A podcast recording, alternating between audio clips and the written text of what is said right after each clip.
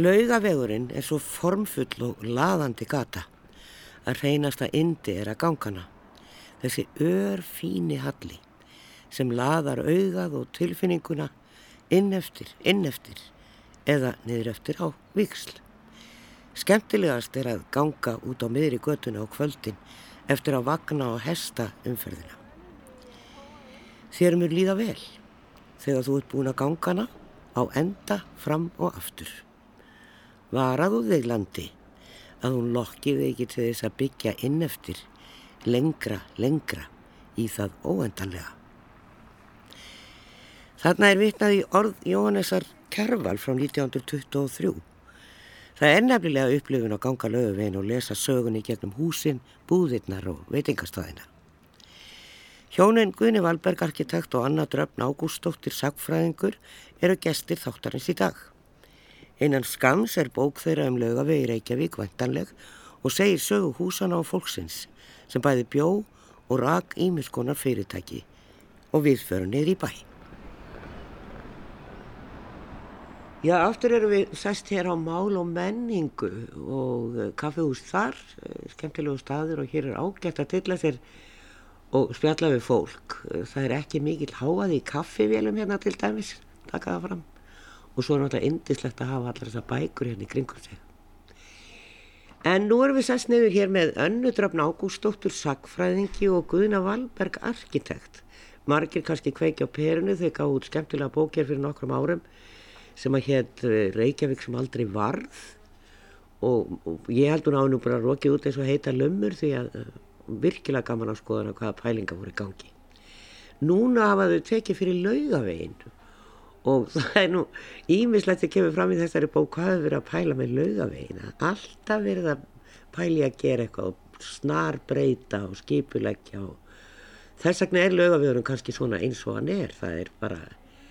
hann er mjög sunduleitur en kannski gerir hann skemmtilegan fyrir vikið. E, til aðvikið með bókina sem er nú ekki alveg komin en er að koma á næstunni. Við erum við eintak hérna. Þannig að það er, e, var hægt að skoðana e, þetta er ekkit þetta er smá verkefni bara fyrir þig Anna og, þig Guðni. Þeir, þeir eru svona kannski að taka sikkur hlutin arkitekturinn og svo sagfræðina og gaman að blanda þessu saman. Þið verði svona eiginlega einn Guðjón Fridriksson og Pétur Ármannsson í einni, einni bendu eh, sem að hafa náttúrulega skrifað og, og, og, og pælt í þessari, já, með eldstu guttu borgarinnar Já, það er bara góð punktur, ég held að þau eru tvo til til að hérna, vera eins afkastamikil og þeir stundum. Og fyrir okkur hefur algjör galdur að vera í samstarfi svona þetta þverfaglega samstarf. Og fyrir mig í rauninni eftir að ég klára sagfræðina hérna fannst mér mjög heillandi að vinna með Guðurna því að hann í rauninni sér heimildir í allt öðru ljósi og hefur alltaf aðra þjálfun til þess að hérna, sækja upplýsingar úr heimildum sem að hérna, mér finnst kannski ekki eins bitastæðir. Og hérna honum þannig að það svona, hefur verið bara ótrúlega lærtumsrikt að vinna saman og hvernig við skoðum heimildir á ólíkan hátt og hvert við sækjum okkur upplýsingar. Hann les teikningar til að hérna, fylla inn í einhverja mynd menn að ég einhvern veginn sækja frekar í texta og svo hefur við einhvern veginn nátt bara að hræra þessu saman og, og vinnum kannski aðeins ólíkt núna heldur en síðustu bók þar sem að hérna,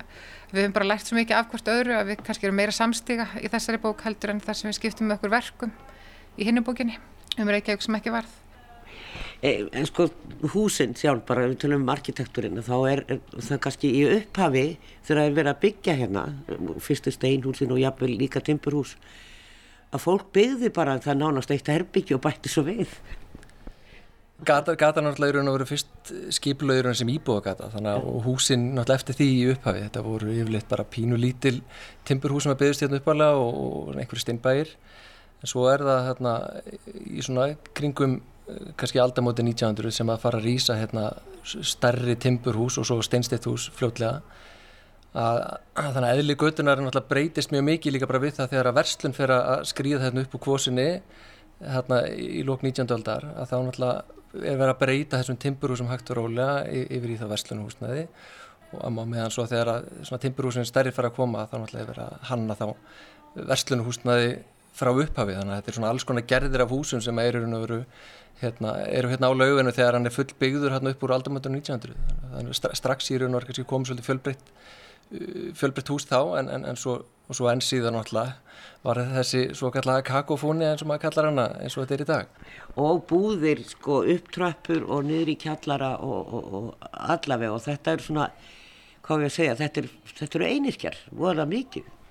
Já, í fyrstu er þetta einirkjar, mikið fólk sem að, hérna, fættist ekki Reykjavík, heldur flytur hinga, hérna, mikið fólk sem flytur af Suðurlandi, þótt að séu þetta fólk sem kemur uh, allstar af landinu til Reykjavíkur og ætlar að frista gæfunar hér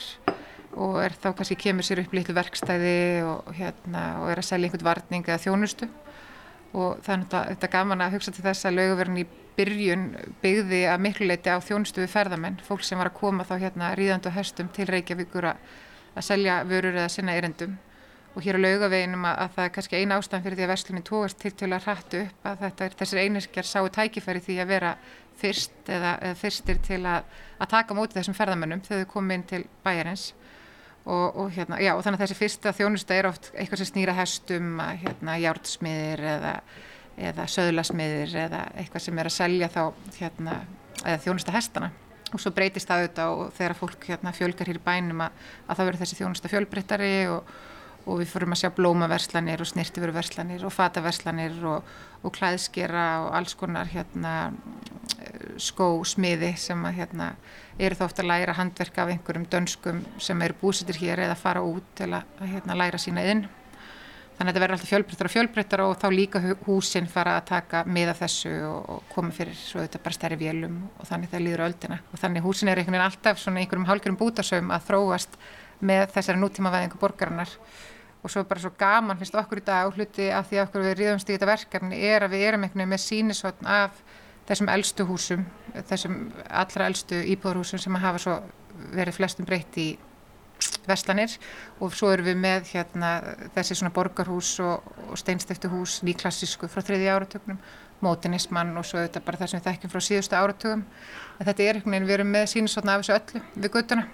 og það er auðvitað það sem okkur langar að skilja þegar við fórum á stað. Þetta er eiginlega svona byggingasafn Reykjavíkur, það er, það löðavögur, það er að skoða allt, en það komið svolítið óvart, ég var að lesa hér í eingangi bókarinnar að, að það var strax þarna bara í byrjun, síðustu aldar, að, er nefnt að maður myndi líklega henda best að þetta væri bara göngugata. Já, eða kannski ekki alveg strax í byrjun en já, það er, það eru, við fundum blaða við töl, einsetta grein í eitthvað dagblað, hvað þetta? Var frá fjó, fymta áratögnum já held ég, þar sem, að, þar sem að það er einhver maður sem að er að leggja það til að það væri nú kannski bara best að þetta væri göngugata, það var allavega ekki leið bílum fyrir þarna, en svo er það náttúrulega í raun og ekki fyrir en kannski sjönda áratögnum sem að þessi umræða fer almennilega á flug en það gerði svo kallar danska skipulag hérna, sem er frá 67 er það endalega samþygt að, að það skipulag í raun og veru gerir ráð fyrir að, að, að það verði í raun og hætt þessum gegnumakstri í gegnum göduna þar að það er, lögu, er lokað í báða endar sem bankastrætti við, við, við lækjagötu og svo lögu við, við snorrarböð þannig að það var ekkert að rúnda í gegn heldur væri þetta bara svona til að komast fyrir fram að hvert hús hérna, með, með vörur og, og svo framvegis. Ekki kannski ósvipa því sem að maður er að sjá núna, það sem þetta er svona einhvern blanda af göngugutu og, og, bílaumferð svona allavega ofalega á lögunum Það er auðvitað bara mjög áhugavert af því að þetta danska skipula hefur oft verið kallað svona eins og bílaskipulagi eða svona verið einkennandi fyrir það einhverja svona stórar umferðaræðar og, og hérna að það skipula sá einhvern veginn laugaveginn þróast á allt annan hátt heldur en kannski gerði næsta áratögu eftir að, að, að skipulagi var samþygt en þá átt að, átt að leysa það með öðrum tengingum á milli austubæður og vestubæður og það kannski stundum gleymist að alveg laugavegurinn var aðal tengingin á milli þessar að tvekja svæða í borginni og var þess mjög mikilvæg umferðaræð. En núna náttúrulega þegar við sjáum uh, erum komið með allt, fleiri sæbraut og ringbraut og, og það eru aðra tengingar Já. að þá kannski hefur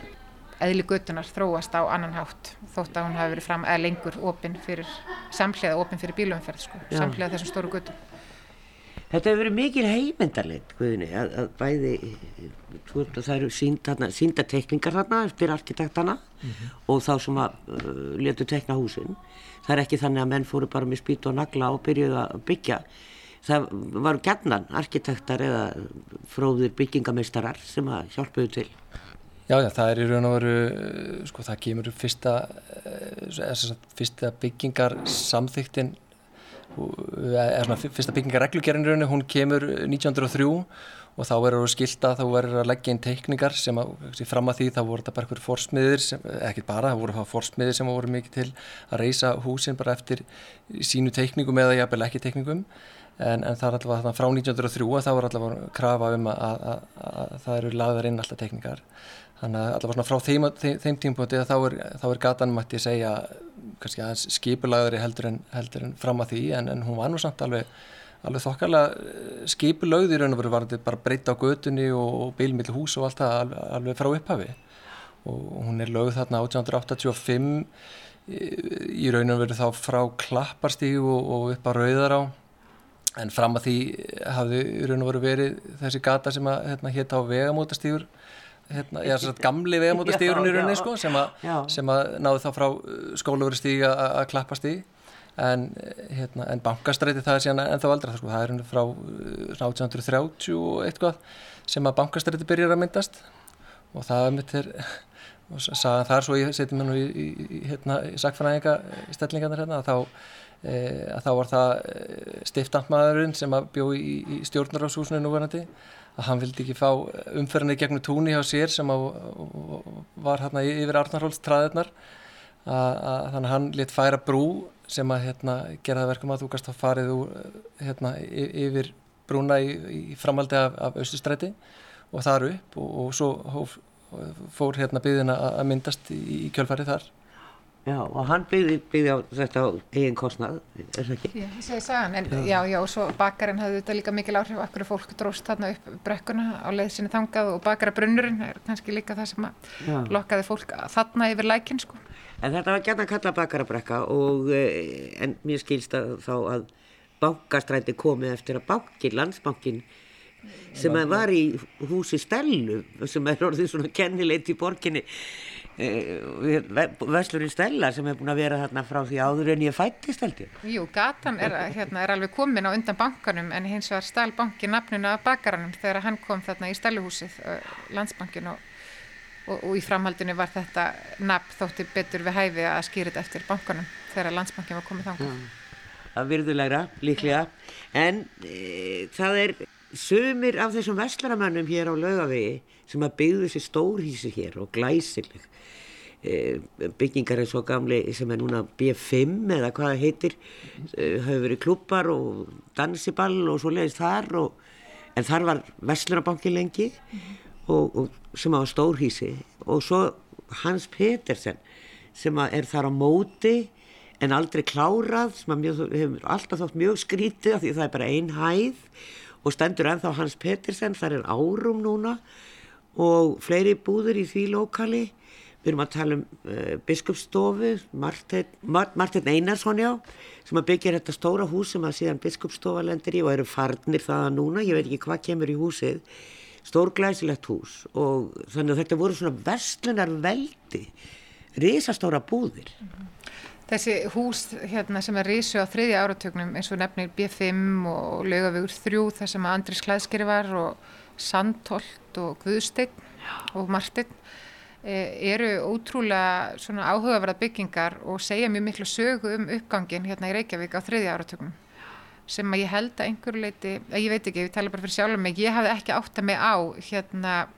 já, svona ákveðnu veldi sem að var hérna á fólki og hversu ör þessi uppbygging hafði það verið frá aldamótum sem kannski glemdist einhver leiti bara eftir hérna kreppuna og þessu svona laungursögu af innflytningshöftum og,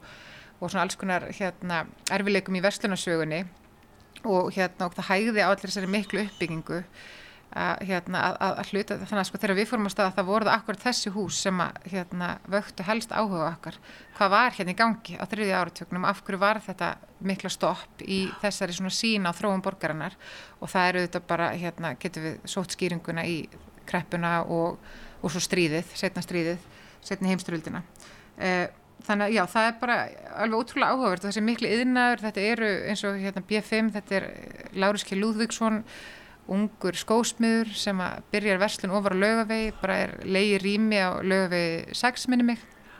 Og hérna og þar svo bara ítrekka að stækka við sig því að hérna, skórnir sem hann er að smíða eru svo vinsælir. Og hann er frumkvöld í því að flytja inn skó hérna sem er líka mikil eftirspurna eftir og hérna byrjar hvað 1878 þarna með þetta litla verkstæði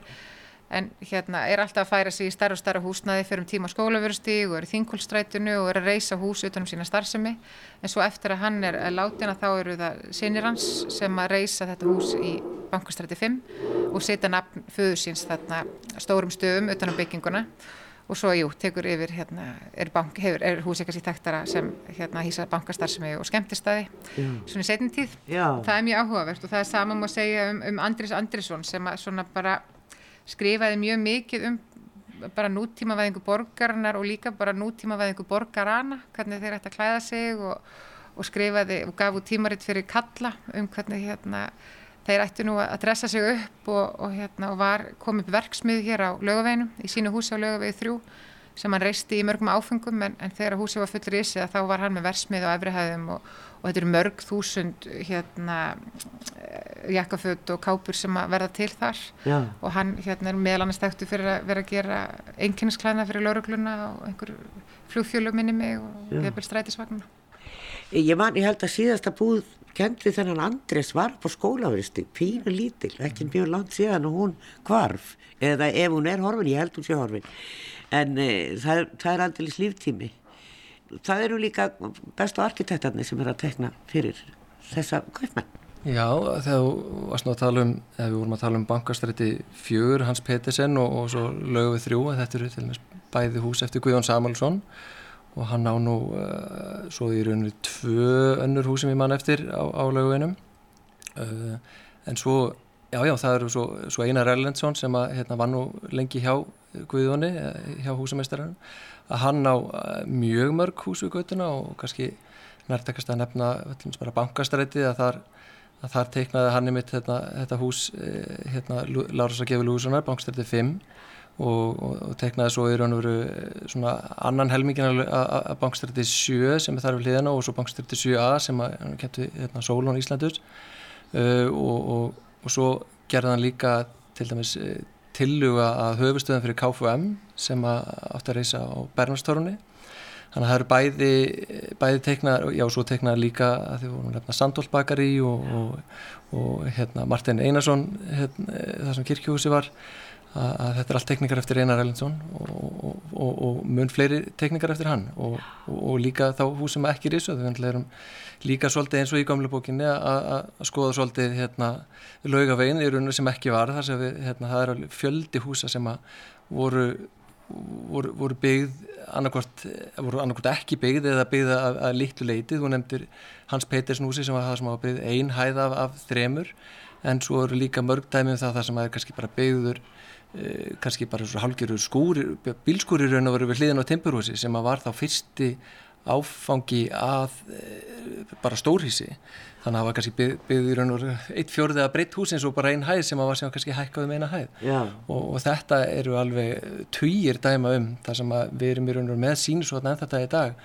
af í raun og veru húsi sem að hérna, átt að reysa en var bara reist hérna, mjög litlu leiti og en yfirleitir eh, hafa þetta verið þá annarkot bara jarðhæð eða hérna, öll jarðhæðin eða eða, hérna, eða bara svona lítil viðbygging en, en, en svo eru svona, svona skemmtilegri dæmi kannski það sem að eins og á lögvegi 5 sem er þá í raun og veru hérna, austamegin við hérna, Andris Andersson sem hún nefnaði eftir Guðun að þar var í raun og reist þryggja hæða hús sem er alveg örmjótt þar sem að var lengi bakari og núna er hérna, sjópa, hvað er það ekki, vikivaki þar eru með í raun og veru, já, með mjög mjóa byggingu sem er samt alveg, alveg þrjár fullar hæðir. Já, og það stendur ennþá bakari á tröppunni mm inn í Víkivaka sem er doldið gaman að og mannum finnst nú núna að því að það eru laga allar rampana hérna þannig að það sé aðgengi fyrir alla þá þarf líka að taka þetta og það er svolítið leðilegt Já, já, það er, maður hún er reynda að sé það sem að ramparnir eru bara byggðir að þessum tröppum að það trappan er nú kannski nú, nú góður hæð en það var synd, synd að missa þetta. Það er með það með últíma og fálkinn og kjörgarður það lifir í þessum hérna, steinum, steintröppum gömlu. Já, þá erum við leggjum í hann og tökum smáru allt hérna á lögaveginum þá e, sko það heimildirnar að þessu öllu saman hlýtur, það hlýtur að hafa verið heljarinn að vinna hvar Þú ert í teknikonu, hvað leitaður helst fanga? Já, við vorum svo sem alveg svona saman í, í heimildöflun og þetta, ég menna, þetta var hvað svona þrygg, tæmlega þryggjára verkefni að skrifa þessa bók og, og stærsti hluti þess tíma var í bara heimildöflun og vinna úr þeim heimildunum Eh, Teikningarnar þær koma í rauninu fyrst og fremst bara frá byggingufulltrúa sem er aðgengilega á netinu og bara hveta alla til þess að kynna sér það. En, en svo, svo er líka e, teikningar sem við finnum við bara hjá þjóðskjálasafni sem eru þá bara í söpnum þessara arkitekta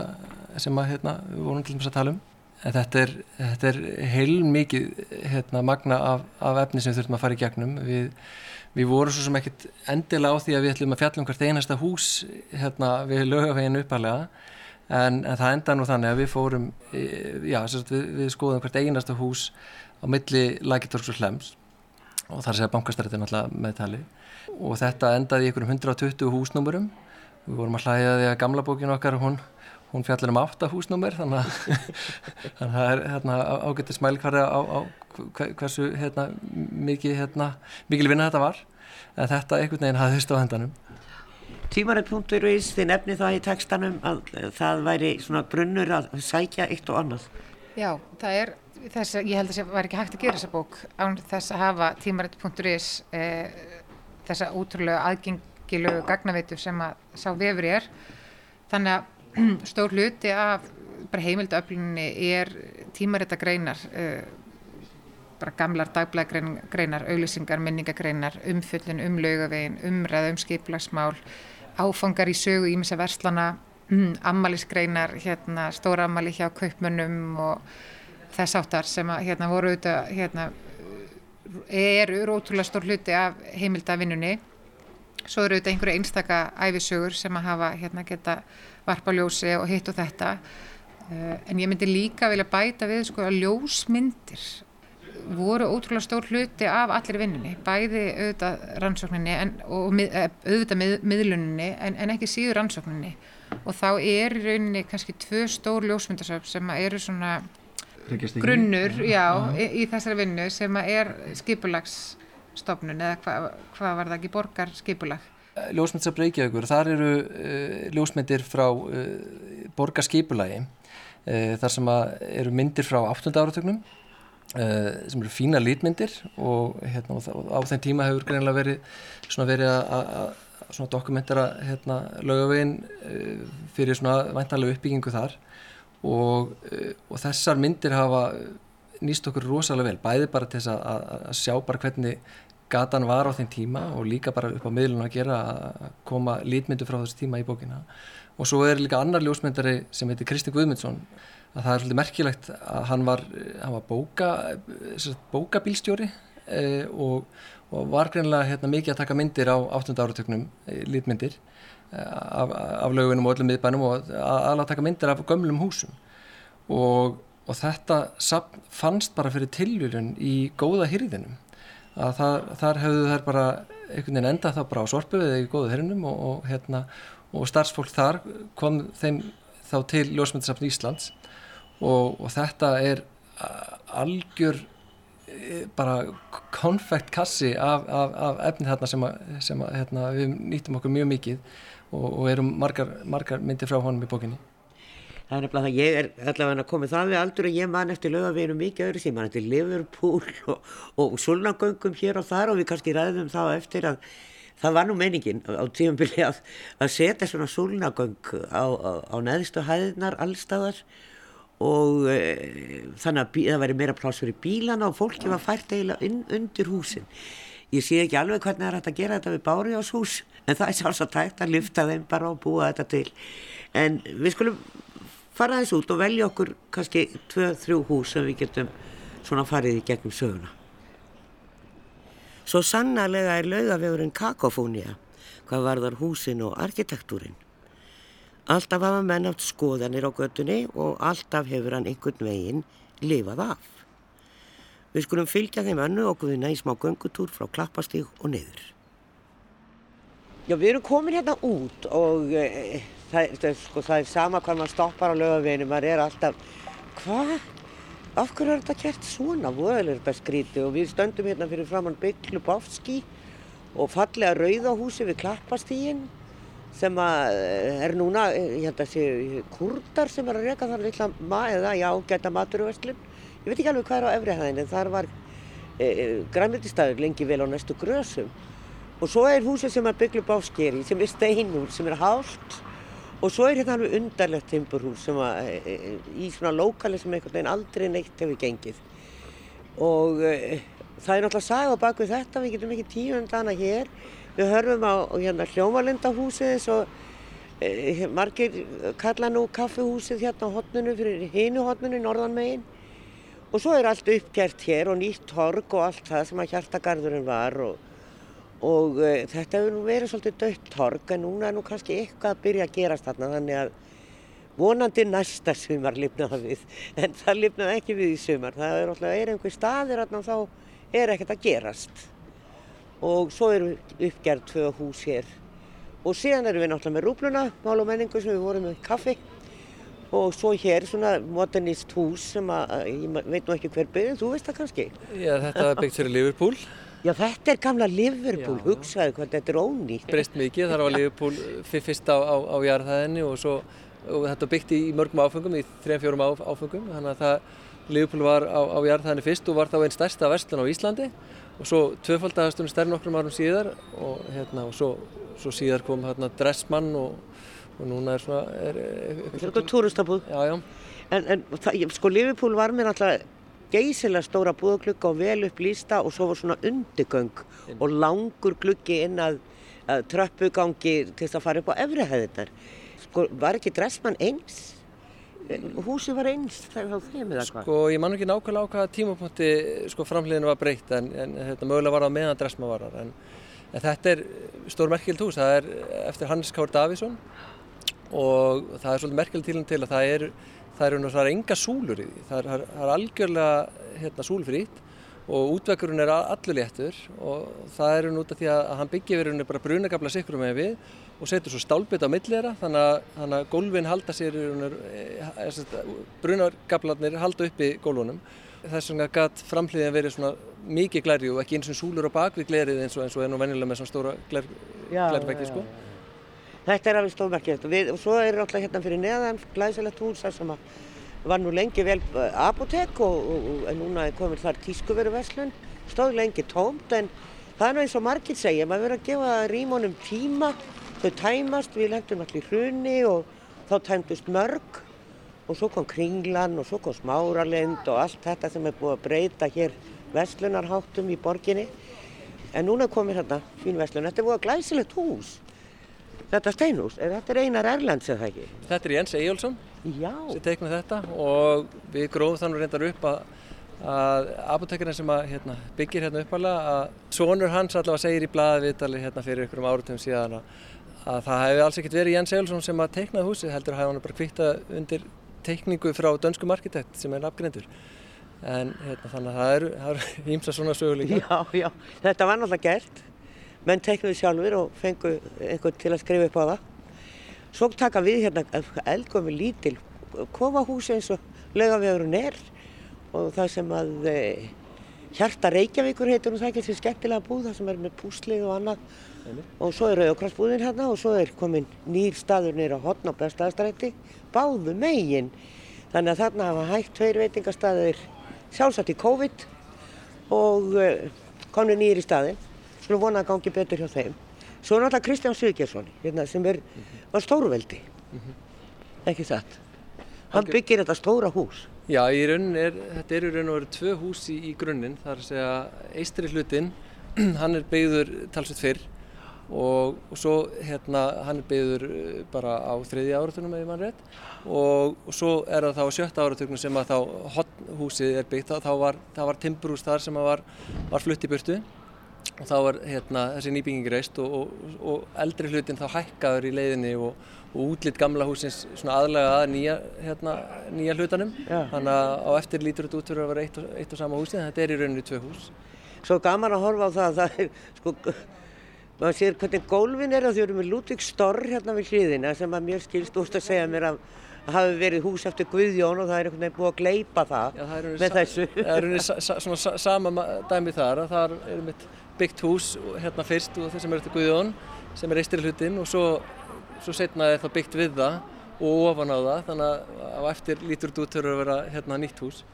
Við skulum alltaf áfram, við ætlum að tala um hús hérna niður í, í neðar á lögaveginum og, og svona inn á milli er eitt og eitt nýtt hús sem er byggt í staðin fyrir eitthvað sem brann eða var ónýtt eða eitthvað. Ekki getum að vita um öll húsin og við erum að koma að einu slíku. Það hefur nú verið sagt þegar það hefur verið að taka húsin hérna gömlu og gera þau upp í upprunlega mynd.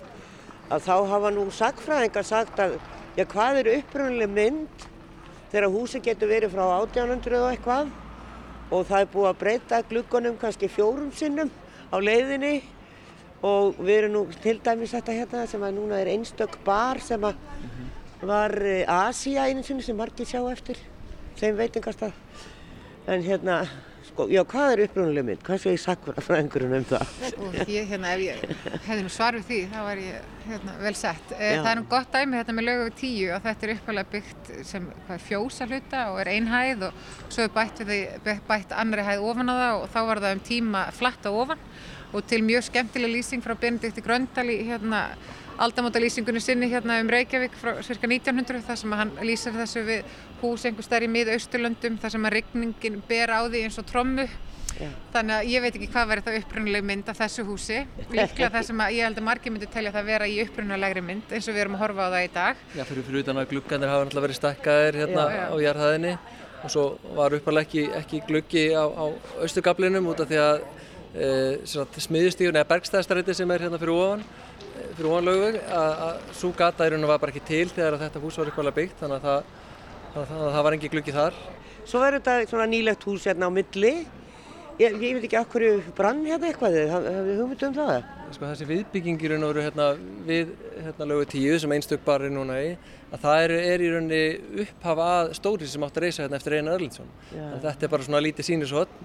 og eins og ég nefndi á þann og svo húsið þar við hliðana og það er svolítið sérstök byggingasaða, þar er í raun og jarðhæðin, hún er, eh, hún er mun eldri heldur en efrihæðinar og þarna var, var byggð ein hæð á, á þriði áratögnum eða í kringu 1930 var aldrei kláruð. Og svo er það ekki fyrir á nýjönda áratögnum að hérna, húsið er þá er hún klárað við allt annari mynd. Það er svona svolítið mikið öðru síðan hérna. Og, og, og modernist hús hérna á móti sem að, e, var byggt fyrir einhverjum árum. Og þar voru súlnagöngin sem að í rauninni voru, var skemmtilegra heldur en þetta er núna það er sem að framhliðin er byggðu eða út í göttuna betra fyrir vestlununa kannski engin ástæð þess að halda í súlnagöngin þegar að svo hugmyndafræði eitthvað er dætt upp fyrir því að það var nú planið að það eruð súlnagöngir bara eftir öllum lögaveginum. Uh, og þetta eru hugmyndir sem eru frá fyrirluta sjötta áratunars uppalega að gera hérna, upp á það að geta breykað í raun og veru svæði fyrir, fyrir bílinn og koma það fólkinu undir húsin. Og, og hérna, þetta er svona ágætt stæmi um það að, hérna, að, að þarna voru súlunaganglingi en, en svo lappaði það bara vekk þannig að gangstéttin í raun og veru hún færðist aldrei inn í þessu hús heldur var þetta bara svona viðbútar pláss Skemmtilegt, en svo erum við með náttúrulega þetta skrítna fyrirkomlega hérna húsum voru skemmtifríðu og standa hér tvö gömul timburhús og byggt á millið þeirra og, og er, er doldið skemmtilega skrítinn arkitektúr og maður veit að ég skilur þetta ekki alveg. Þá kannski, má kannski benda það sem þú varst að nefna hvað er uppröðanlega mynd að þarna er búið að færa húsið í svona nokkur neginn uppröðanlega mynd. En, en, en svo mótið kemur þá uppröðanlega mynd er að þetta er byggt sem íbúðarhús. Já. og gluggasetningin fyrir hérna, íbúð. Svo hérna með tímanum að þá hérna eru gluggandi stakkaðir fyrir verslun og húsi fær svona þróist í takt við tíðarnadan en svo er því kipt svolítið tilbaka núna en, en þetta kannski hendar ágætlega fyrir þá starfsemi núna sem er kaffihús. Kaffihús og ísbúð ég. Já, það þarf kannski ekki að vera með svona útsýtlingaglugga eins og hefur verslun Og hér erum við að koma að mjóa húsinu sem þú nefndir hér áðan. E, og, og, og kvistinn og svalit er hann uppi. Þetta er alveg pínu litla svalir á skrítnum kvisti sem er, kemur öruglega setna en, en húsið. Hér hérna við Traðakottsund var auðvitað einu hugmynda að rýfa þessi hús sem eru hérna uh, ofan við uh, fyrir fram að þjóðlíkúsið á milli hverfiskötu og lögavegar til þess að búa til útsinni á þjóðlíkúsið frá aðalgötunni. En svo hefur allan ekki enn orðið að þeirri hugmynd. Þannig að hérna eru húsin einhvern veginn alltaf þurft að hérna að lifa í einhverju tillitsemi við þá sín á þróum borgarna sem að hérna sumir vilja enn sjá verða veruleika Já þá þarf að taka bílastæðahúsið og, en ég efast um að þetta stóra hús hér e, þetta Það væri í rauninni þessi tvö gömlu, timp, þessi tvö gömlu timpurhús, það væri þá þau tvö sem að þyrta að víkja og svo er þarna einhvers konar vísir af indræðatorki á milli húsana Já. og hérna á bílastæði. Þannig að hérna, það, er, það er ennþá hægt sko, segja sum. Já, en það myndur margir kannski sjá eftir þessu timpurhúsi sem stendur ég, á móti þjóðlíkúsinu ég, ég held að þetta verði ekki. Það er nei, mín sko Það er margt sem hefur ekki orðið. Og eh, en þú ætlaði að segja okkur aðeins hérna líka um þetta hús sem að það er hérna þetta mjóa hús sem er fulla þrjá hræðir og rís með kvisti. Og svo er allt í nú bárjáskvistur og svo eru svalir, já bárjáskvistur enda báðu megin. Þetta er brekkuholt og hér er veitikastæðun Vietnam restaurant og fólk mann kannski eftir klein að ringja sjópunni sem var hérna. En hérna var líka skemmtistæður um tíma og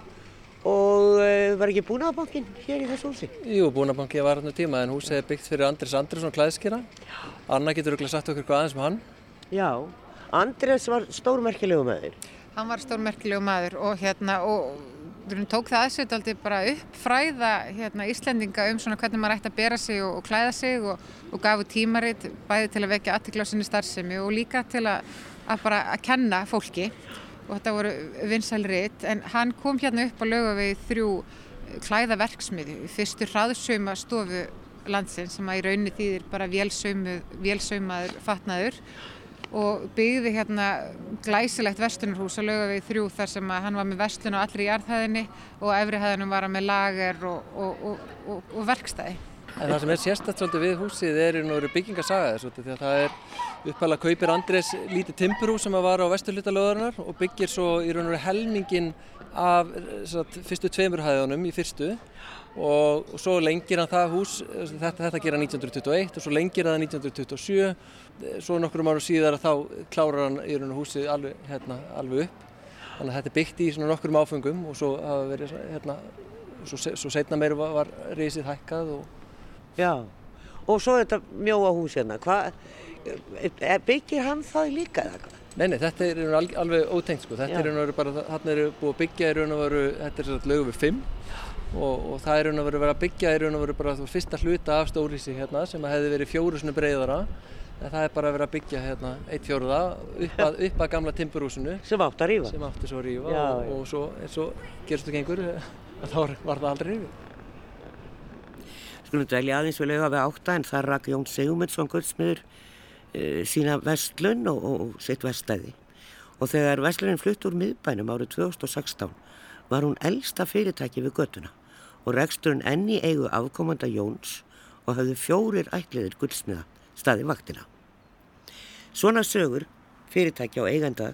eru við hvert fótmál á laugaveginum og við skulum halda áfram göngunni. Við förum aðeins lengra og hérna erum að koma hér á hotnið á skólaverðstíð. Hér er líka svona, já, lítill gapp hér, takóstaður og eitthvað er á loftinu líka og, og búðir hér hefur á hattabúðinu sinni og, og hér var Pétursbúð hérna í kjallaranum og, og, tó, og kjötbúð Tómasar og staður hér lengi vel, Kofis Tómasafrænda, en heitir, jú, hann kallaði Kofin en þá. Nú, og við komum hér að, að, að Vísishúsinu sem er, eh, já,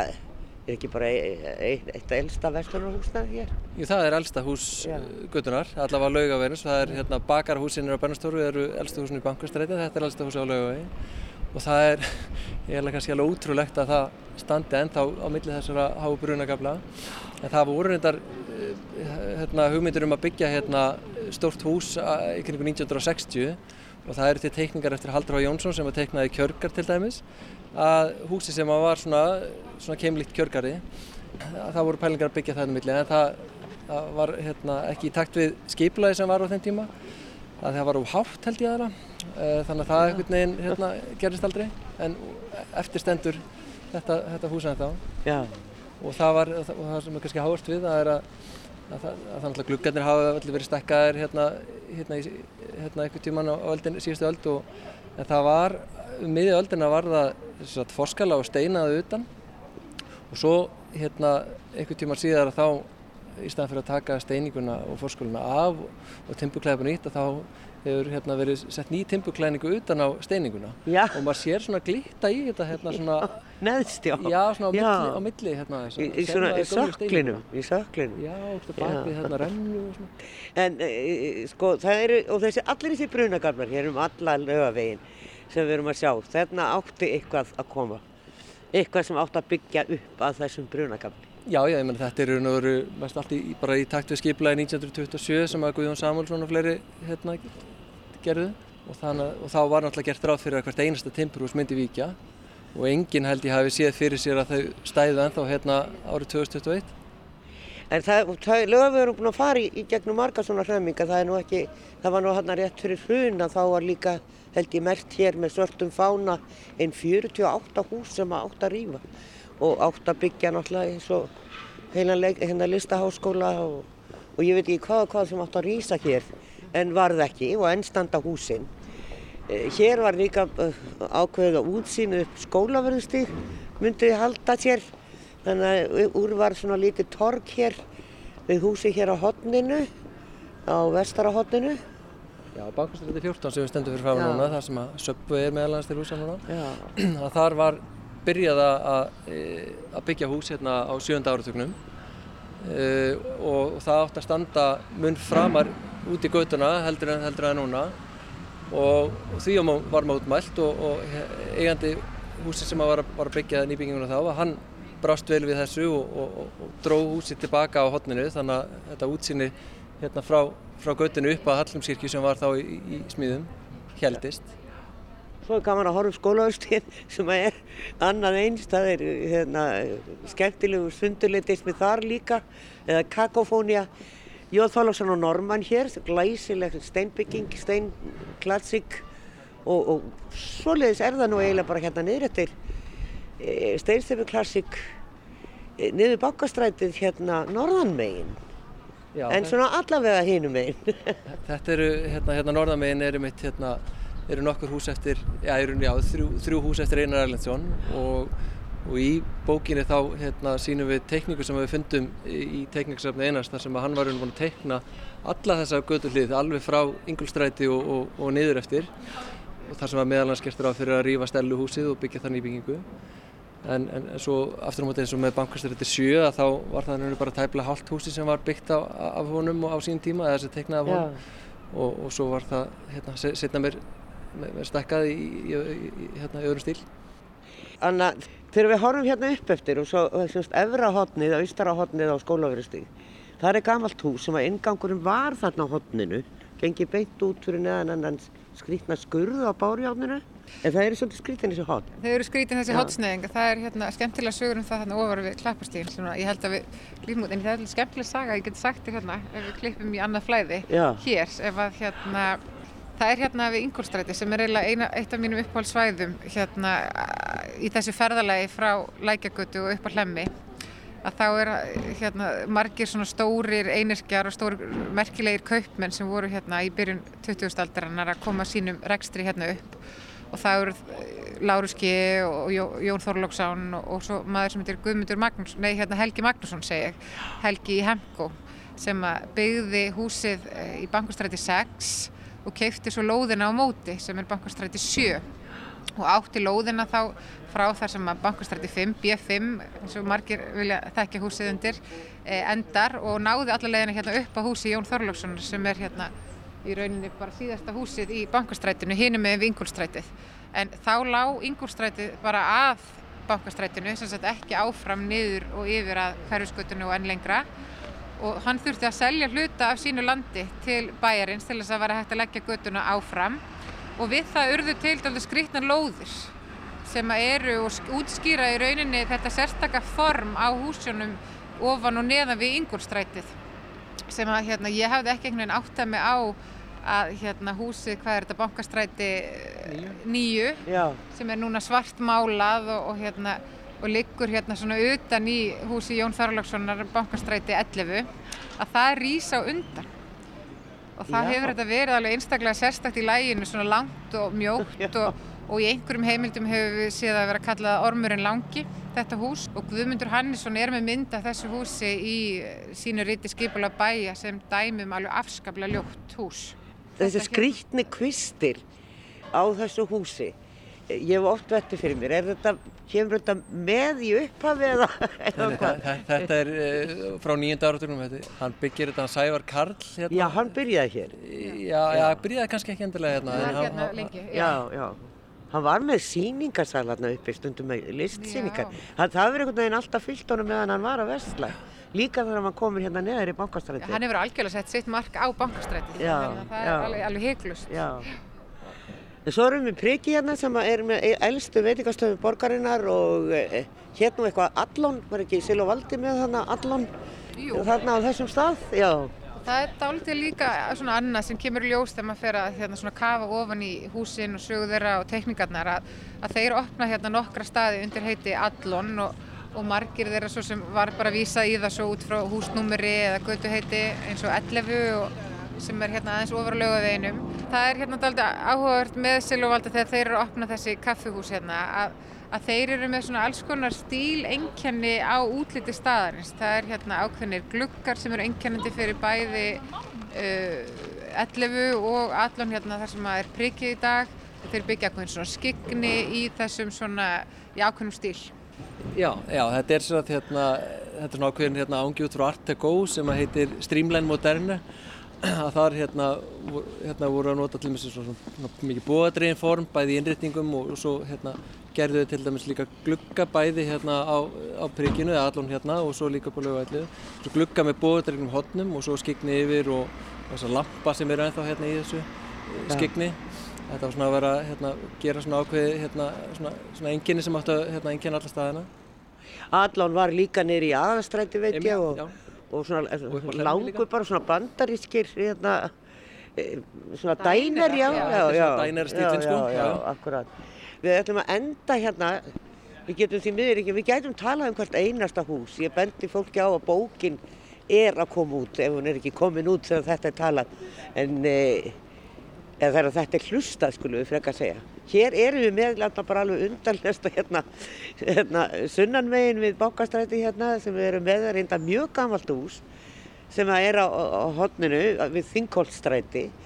en eh, er komið með svona glugga hlera og þetta hefur verið svona spænskur matur þarna í, í, í bóði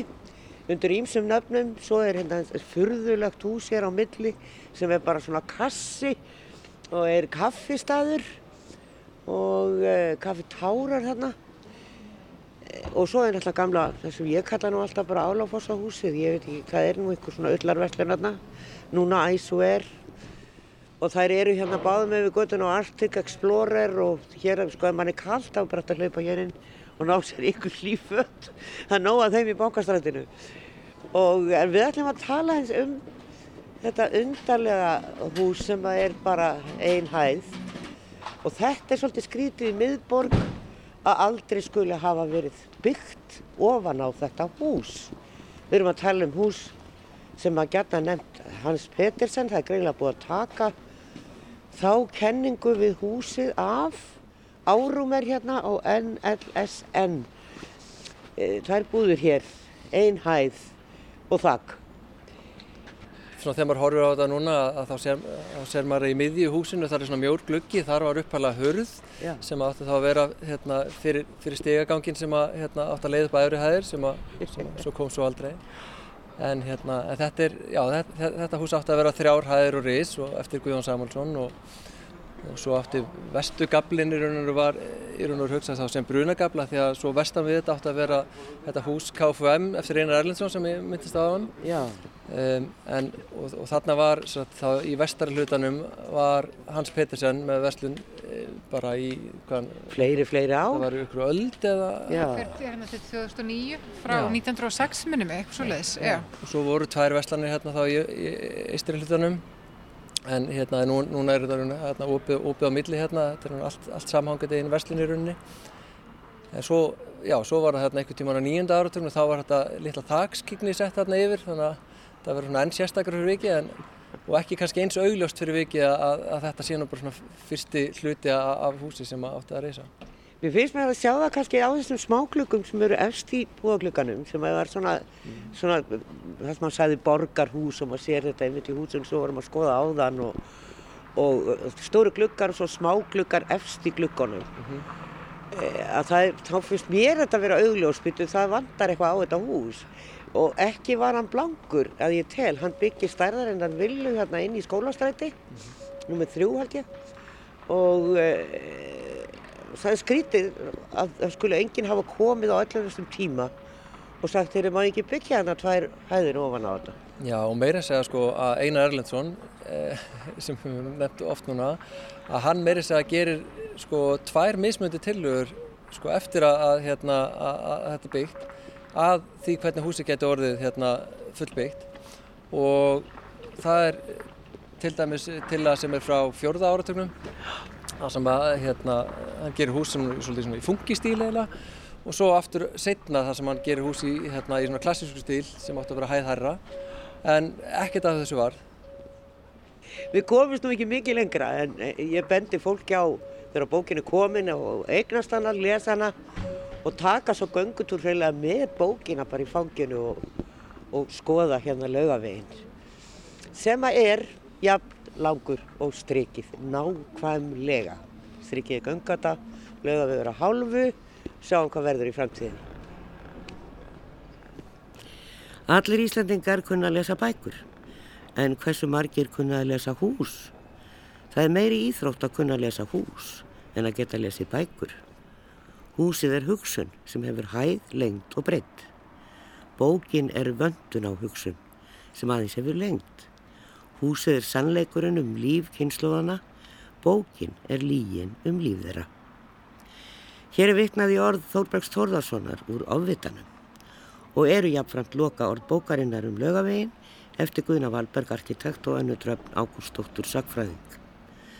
Allir sem hafa áhuga á sög og byggingalist ætti að krækja sér í eintak. Verðið sæl að sinni.